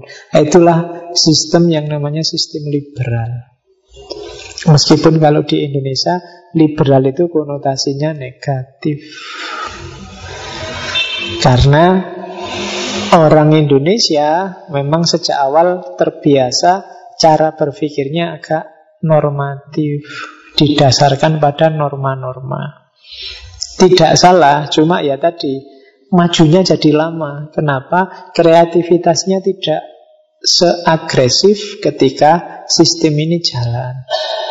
Sistem orang ngerti urusannya sendiri, orang paham kepentingan dan tujuannya apa, dan dia bisa memproses itu semua. Dia punya kemampuan untuk menghandle semua itu. Itulah sistem yang namanya liberalisme. Maunya Barat itu seperti ini. Itu nanti kalau sifatnya komunal, sosial, itu kan nanti yang disebut civil society. Jadi masyarakat yang mandiri bisa ngopeni dirinya sendiri, bahkan tambah harus dibantu oleh negara, dia sudah kuat. Tidak harus dikasih subsidi-subsidi, nggak harus dikasih bantuan-bantuan apa pun. Dia sendiri sudah kuat, sudah tangguh. Bahkan negara yang butuh dia. Ya kalau di Islam kan contohnya masyarakat Madani. Madani bahasa Arab ya, bukan bahasa Jawa. Kalau Madani itu kan nanti nek Jawa jadi ngenyek. Masyarakat yang nyek-nyekan itu bahasa masyarakat Madani. Oke, itu liberalisme. Sekarang kita bahas kebebasan berpendapat. Ada dua kalau di mil itu yang dibahas agak dalam di buku On Liberty. Ini bab kedua. Jadi yang saya omongkan satu jam lebih tadi baru bab satu dari buku On Liberty. Ini bab kedua, kebebasan berpendapat.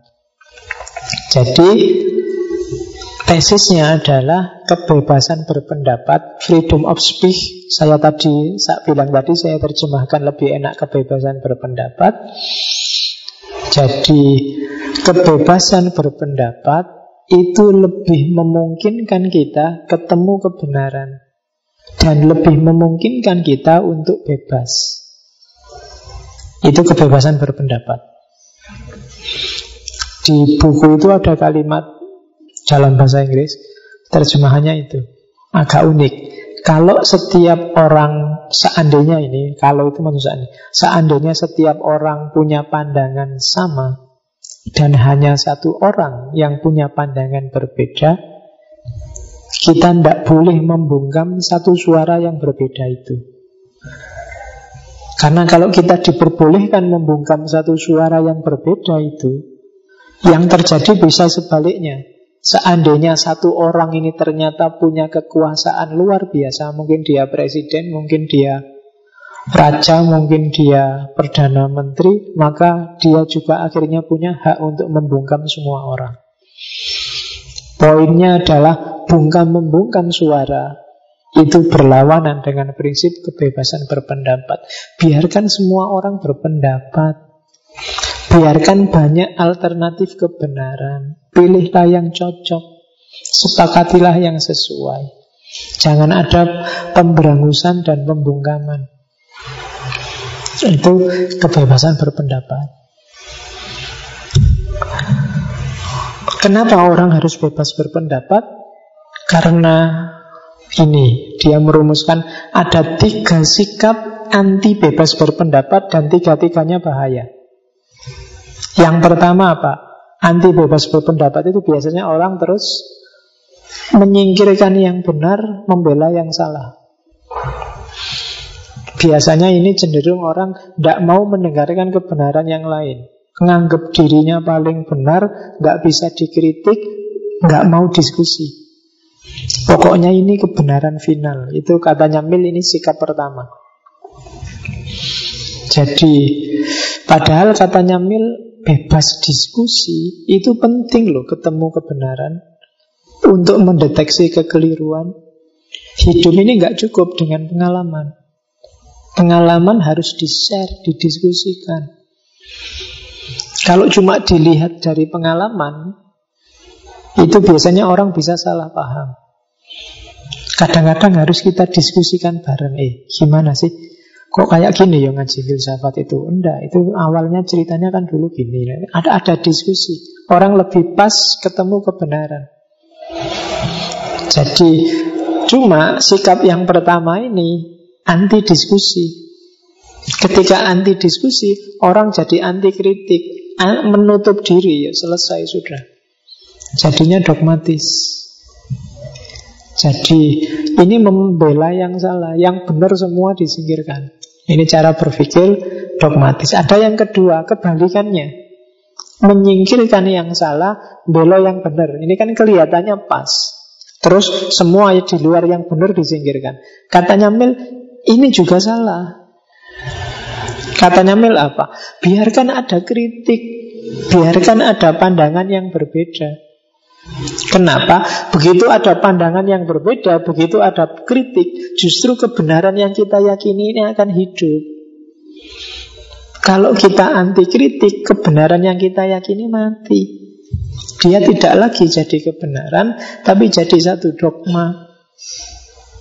Katanya Mil, betapapun benarnya pandangan seseorang, kalau tidak sepenuhnya sering kali dan tanpa ragu-ragu didiskusikan, ia akan hanya dipegangi sebagai dogma, bukan satu kebenaran yang hidup.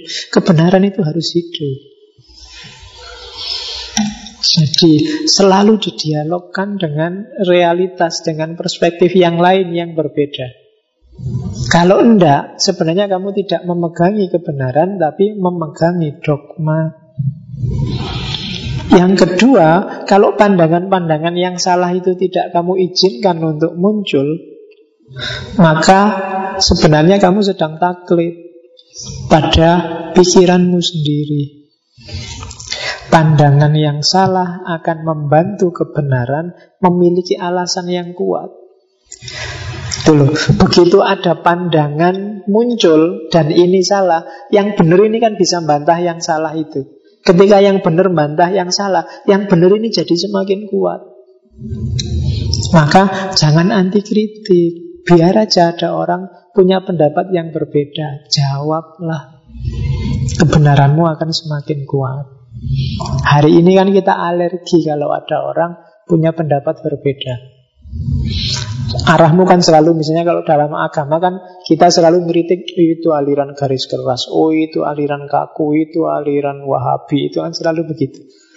Sebenarnya gaya kita sama kayak mereka yang kita kritik. Kita tidak membuka diri, tidak membiarkan suara mereka muncul. Sebagaimana mereka tidak mengizinkan suara kita muncul. Masing-masing kita sebenarnya dogmatis. Kebenarannya tidak hidup. Kita hanya hidup dalam dogma yang kita yakini benarnya, bukan kita pahami kebenarannya. Ada beda antara diyakini dengan dipahami. Apa tidak boleh diyakini? Boleh. Tapi kalau keyakinan itu tidak hidup, tidak dialog dalam realitas, dalam berbagai perspektif yang berbeda, ya dia jadi mati, jadi dogma. Katanya Mil, ia yang hanya tahu pendapatnya sendiri sebenarnya hanya tahu sedikit tentang hal tersebut. Kenapa? Kita itu manusia yang terbatas. Tidak mungkin kita tahu segalanya. Maka Bukalah telinga lebar-lebar, bukalah mata lebar-lebar. Kalau sudah capek, bukalah mulut lebar-lebar. Minum dulu apa makan dulu. Oke. Okay.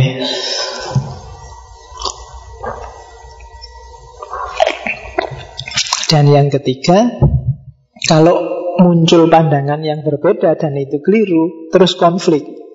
Bahagialah dengan adanya konflik. Dengan konflik itu kebenaran yang kamu yakini benarnya akan semakin jernih. Kalau memang kamu benar, diserang dari mana pun, alhamdulillah, semakin kuat, semakin jernih, semakin tangguh, semakin terbukti bahwa kebenaranmu itu memang valid dan hidup.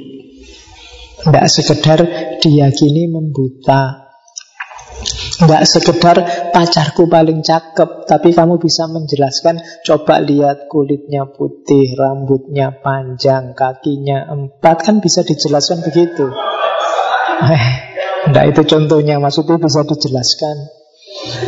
Jadi itu sikap bebas Menyingkirkan yang salah Membela yang benar. Ada juga yang semacam ini. Mix. Sudahlah dalam yang benar itu ada yang salah, dalam yang salah itu ada kebenarannya. Digabungkan ada sikap kayak gini. Boleh sikap kayak gini, tapi sikap ini juga kalau tidak disertai kebebasan berpendapat, jatuhnya juga dogmatis. Harus tetap terbuka, diskusi. Karena sikap ini sebenarnya dalam tanda petik ya lebih tidak jelas daripada dua sikap sebelumnya. Kalau dua sikap sebelumnya orang punya keyakinan. Kalau di sikap yang ketiga ini orang tidak punya sama sekali keyakinan akan kebenaran. Kalau ada orang berpendapat, oh pendapatmu itu ada benarnya juga, ada salahnya. Pendapatku juga ada benarnya juga, ada salahnya. Lo terus diyakini sing Tidak bisa hidup kamu malahan. Lebih enak punya keyakinan tapi terbuka. Maka untuk sikap yang ketiga ini ya sudah carilah yang menurut kamu derajat benarnya paling tinggi. Terus kamu yakini tapi sambil tetap terbuka. Kalau di yang ketiga ini kan memang serba ragu-ragu. Pacarmu cakep enggak? Ya bisa cakep bisa enggak. Kamu bahagia enggak? Ya bisa bahagia bisa enggak. Ngaji filsafat itu penting gak? Ya bisa penting bisa enggak Itu susah. Mending kamu punya keyakinan Tidak penting mbak karena A, B, C, D. Loh jangan dulu gitu. Kan penting dia ada A, B, C. Itu kan dialog terus ketemu keyakinan. Jadi diskusi yang bebas Akan menjernihkan persoalan.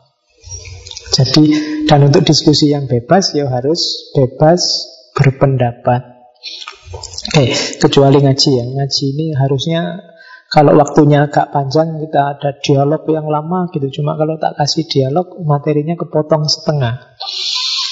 Terus kamu ngajinya nggak paham, dialognya juga nggak jelas. Akhirnya sama aja. Mending kan salahnya satu, ngajinya nggak paham gitu dok kan. Nanti kalau ada dialognya, ya kalau kalau ada dialognya kan salahnya dua, ngajinya nggak paham dan dialognya nggak jelas. Nah ini ngajinya alhamdulillah salahnya cuma satu. Oke, jadi itu sikap yang ketiga. Oke, ini loh untungnya bebas berpendapat, katanya Mil. Yang pertama apa? Dengan bebas berpendapat, ya tadi kreatif, akan muncul ide-ide baru terus. Salah ya ditolak, kan simple. Siapa ngerti bagus. Akan lahir inovasi baru, pandangan baru, gagasan baru. Kalau ide baru dilarang muncul, orang harus mikir sesuai aturan sebelumnya, sains nggak akan berkembang seperti sekarang. Bahkan termasuk sains agama, ilmu agama. Tidak akan lahir fikih dengan puluhan ratusan madhab. Tidak akan lahir tasawuf dengan banyak torekot. Tidak akan lahir ilmu kalam dengan banyak aliran. Semua itu lahir karena orang bebas berpendapat. Termasuk dalam ilmu agama. Oke, Terus yang kedua dengan dibuka orang bebas berpendapat, ide-ide jadi hidup. Dia benar-benar jadi pikiran, tidak sekedar asumsi, tidak sekedar prasangka. Karena dia tangguh, bisa dikritik tapi bisa bertahan juga dari kritik atau bisa membalas kritik. Itu kan hidup. Dialektis. Bisa dialog dengan kenyataan. Yang ketiga sama menjaga agar pendapatnya tetap hidup. Dan yang keempat, ini tadi yang tujuannya. Dengan kebebasan berpendapat diizinkan, tidak akan lahir tirani mayoritas. Suara yang paling kecil pun silahkan didengar. Cuma tidak harus disetujui. Wong namanya pendapat bisa salah, bisa benar. Kalau keliru ya dibantah. Kalau benar ya diakui kan gitu rumusnya. Jadi jangan sebelum bersuara sudah dibungkam. Itu namanya tirani. Silahkan pendapatmu apa Kan gitu Baru kalau benar diterima oke di ACC Kalau salah ya dibantah Jadi rumus kebebasan berpendapat kan semacam itu Oke Nah yang kedua kebebasan bertindak. Lanjutan dari orang bebas berpendapat, harusnya orang juga bebas bertindak. Kenapa? Karena tadi orang itu butuh bahagia, dan bahagia ini mensyaratkan orang bebas. Tidak mungkin orang yang terikat bisa bahagia. Kenapa nggak diseragamkan aja Pak? Tidak bisa. Katanya Mil, tidak ada kebahagiaan universal.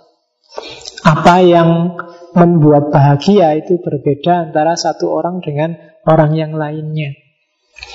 Mungkin temanmu yang satu sekedar ditraktir, ditraktir di angkringan depan itu sudah senengnya luar biasa. Sementara yang satu kalau belum masuk restoran, belum masuk KFC, belum masuk Solaria, belum masuk, enggak. Apa angkringan? Tidak level kan itu Beda yang bikin orang bahagia. Yang kedua Orang itu kan pengalamannya beda-beda Cara hidupnya beda-beda Sehingga yang membuat dia bahagia beda-beda.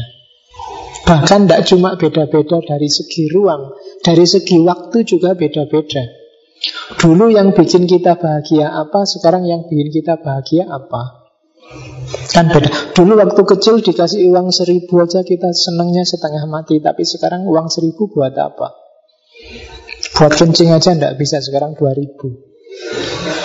Kalau kalian kencing bayar lima ribu nggak ada kembaliannya, paling diminta kencing lagi sekali lagi aja mas. Saya pengalaman nggak ada kembaliannya bingung nyari kembalian gimana. Yang yang jago kencing terus guyan. Kencing aja sekali lagi mas, biar nggak pas. Iya wis entek isine. Oke. Jadi itu kan beda. Dulu seneng dikasih seribu, sekarang ah biasa. Tidak kaget.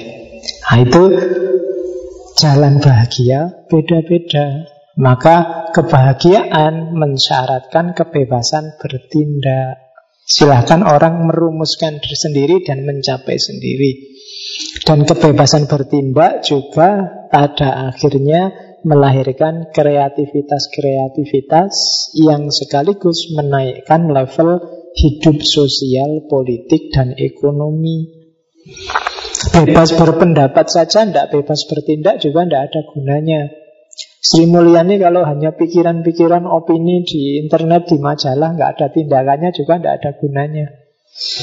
Harus ada actionnya. Jadi kebebasan bertindak itu mempersyaratkan kebebasan berpendapat dan kebebasan berpendapat itu harus dilanjutkan dalam kebebasan bertindak. Itu dua-duanya saling berkait. Oke, tinggal 10 menit. Oke, ada beberapa kalimatnya Mil yang menurut saya bagus. Yang pertama dari On Liberty ya. One person with a belief is equal to a force of 99 who have only interest. Ini ngomong keyakinan. Satu orang yang yakin, percaya, itu kekuatannya setara dengan 99 orang yang hanya punya interest, hanya berminat, hanya suka. Hmm. Kalian dalam hal apa pun ini, Kalian yang yakin bahwa filsafat itu penting, filsafat akan lebih berpengaruh dalam hidupmu dibandingkan yang hanya menganggap filsafat itu penting. Hanya interest, hanya berminat. Nah, itu penjabarannya bisa panjang. Ini untuk gerakan. Every great movement must experience three stages. Ridicule, discussion, adoption. Semua gerakan besar, semua usaha besar itu pasti mengalami tiga level ini. Yang pertama ditertawakan, yang kedua didiskusikan, dan yang terakhir diadopsi, ditiru. Banyak. Mungkin ngaji ini termasuk awalnya banyak yang menertawakan. Ridicule Ngaji kok filsafat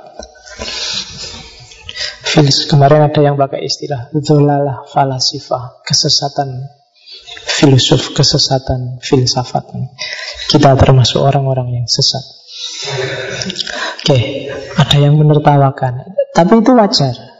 Great movement Jadi kalau ada yang kritik itu Kamu pakai dalil itu Tenang aja nggak apa-apa. Kita baru ada di tahap awal. Ridicule, baru diketawain. Kalian mungkin merintis usaha apa, merintis bisnis apa, merintis gerakan apa, biasanya yang pertama itu. Bisnis kayak gitu, untungnya berapa, dapatnya apa, tiwas capek, kan selalu pasti ada itu. Yang kedua, discussion. Kalau sudah mulai sukses, orang mulai ngelirik, mulai bahas. Iya ya, bisa ternyata kayak gitu. Iya ya, tak pikir-pikir juga penting juga itu discussion biasanya terus masuk ke stage ketiga, adoption. Ditiru, diadopsi. Ah, tak bikin juga kayak gitu deh. Kayak bisnis online. Dulu orang mungkin memandang bisnis online itu sebelah mata. Apa jualan kok lewat internet? Siapa yang beli? Diketawain. Tapi terus dibahas. Lalu ternyata banyak loh yang sukses bisnis online. Sekarang semua orang niru, adoption. Semua hal selalu ridicule, discussion, adoption. Dulu sekolah full day itu mungkin diketawain orang. Sekolah kok full day, pagi sampai malam. Lebih enak full day and night. Sehari 24 jam pesantren itu. Kayak kayak gitu kan diketawain, diridicule, tapi terus dibahas, discussion. Eh sekarang malah diadoption. Oke, okay, jadi every great movement must experience three stages: ridicule, discussion, and adoption. Ah, ini yang saya bilang tadi. Kuncinya kebahagiaan, meskipun dia mensyaratkan kebebasan, sebenarnya ada rumusnya. Caramu menggunakan kebebasan.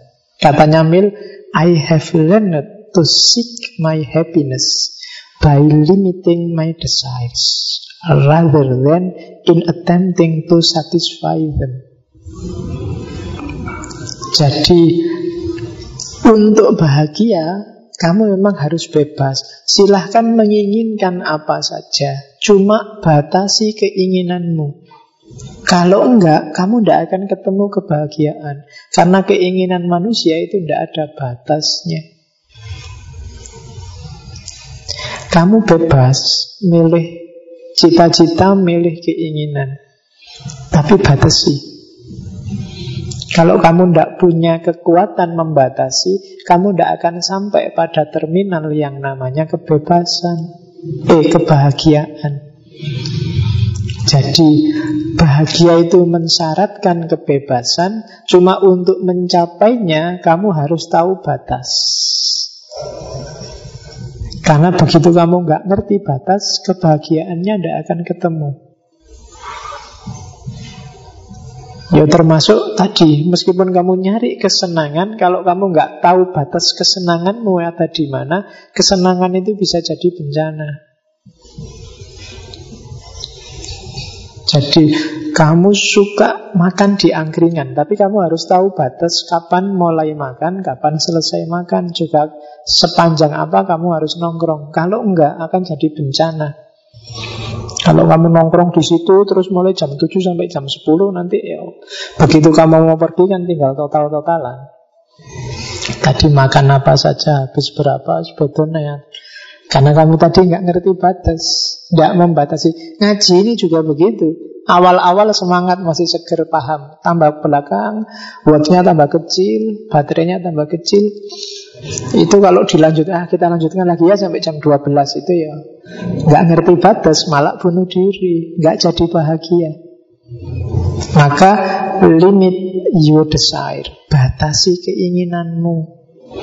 Kalau ada yang tanya cita-citamu apa, saya pinginnya ya Pak jadi dosen, tapi nanti sekaligus pengusaha. Jadi kan enak nanti. Dan kalau bisa sih sekalian dokter Karena kalau saya sakit kan nggak capek-capek. Dan syukur-syukur bisa tambah pengacara Nanti kalau kena kasus kan tak Nah itu ya jenenge Orang nyari kebahagiaan. Kamu tidak ngerti batasmu sendiri.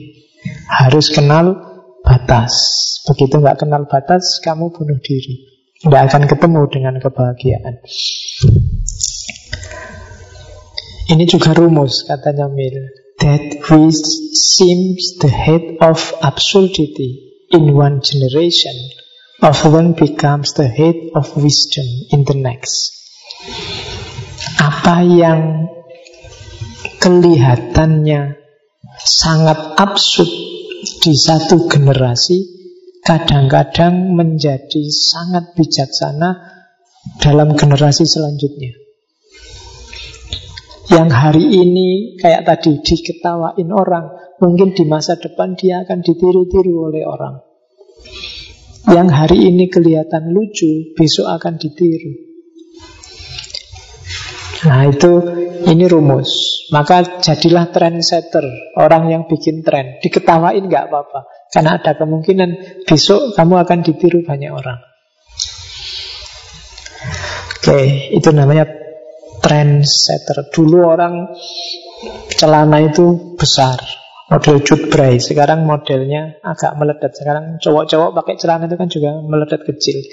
Itu hari ini kan beberapa masih menertawakan. Dulu juga pasti ditertawakan, tapi lama-lama dia jadi tren. Yang kayak gitu dianggap gaya. Dulu yang pakai celana sobek-sobek itu hanya orang-orang tidak punya di pinggir-pinggir jalan. Sekarang orang kaya pun pakai celana sobek-sobek.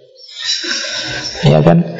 Dulu yang namanya orang kaya itu bajunya yang paling panjang baju bahkan kadang sampai panjang dibawa oleh para pengawalnya itu kan sekarang justru yang paling kaya yang bajunya paling minim selebritis selebritis itu bajunya paling minim itu yang awalnya diketawain kadang-kadang bisa jadi tren selanjutnya itu kan ini semacam rumus katanya Mil kadang-kadang begitu oke okay. There are many truths of which the full meaning cannot be realized until personal experience has brought it home. Ada banyak kebenaran yang maknanya sepenuhnya tidak bisa disadari. Beda ya antara dimengerti dengan disadari. Sampai pengalaman pribadi membawanya. Banyak hal yang sudah kita pahami Tapi dia tidak akan bisa kamu sadari sepenuhnya Kebenarannya sebelum kamu alami sendiri Maksudnya itu. Hari ini mungkin yang belum kawin Sudah ngerti full teorinya kawin itu kayak gimana. Tekniknya bahkan sudah apal. Tapi kamu nggak akan paham yang sejati sebelum kawin. Nah itu contohnya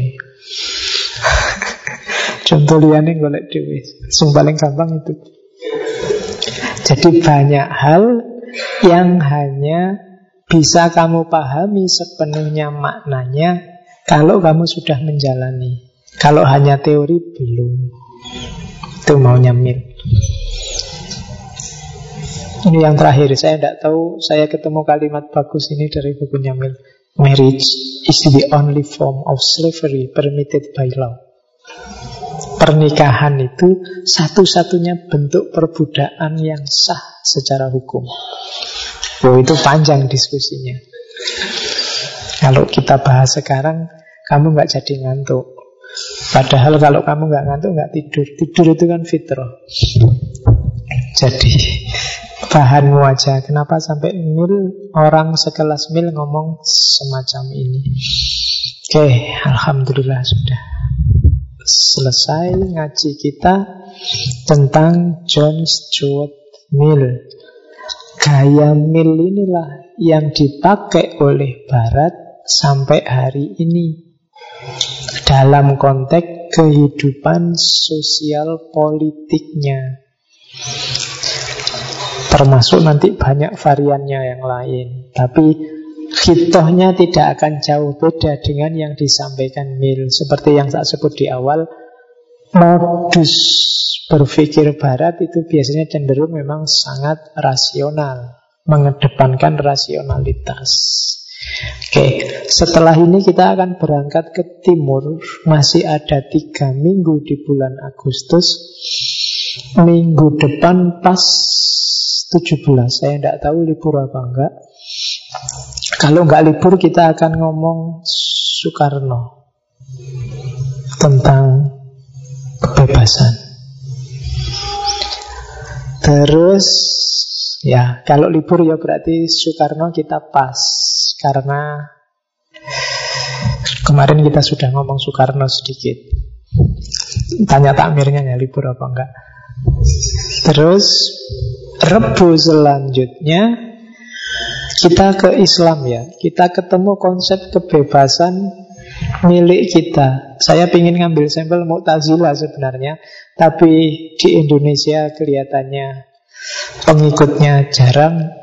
Kita ambil yang mayoritas. Saya ngambil As'ariyah.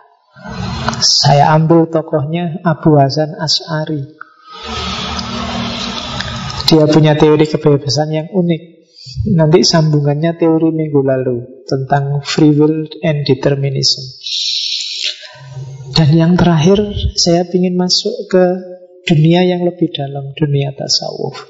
Saya ingin ngomong kebebasan menurut Ibnu Arabi.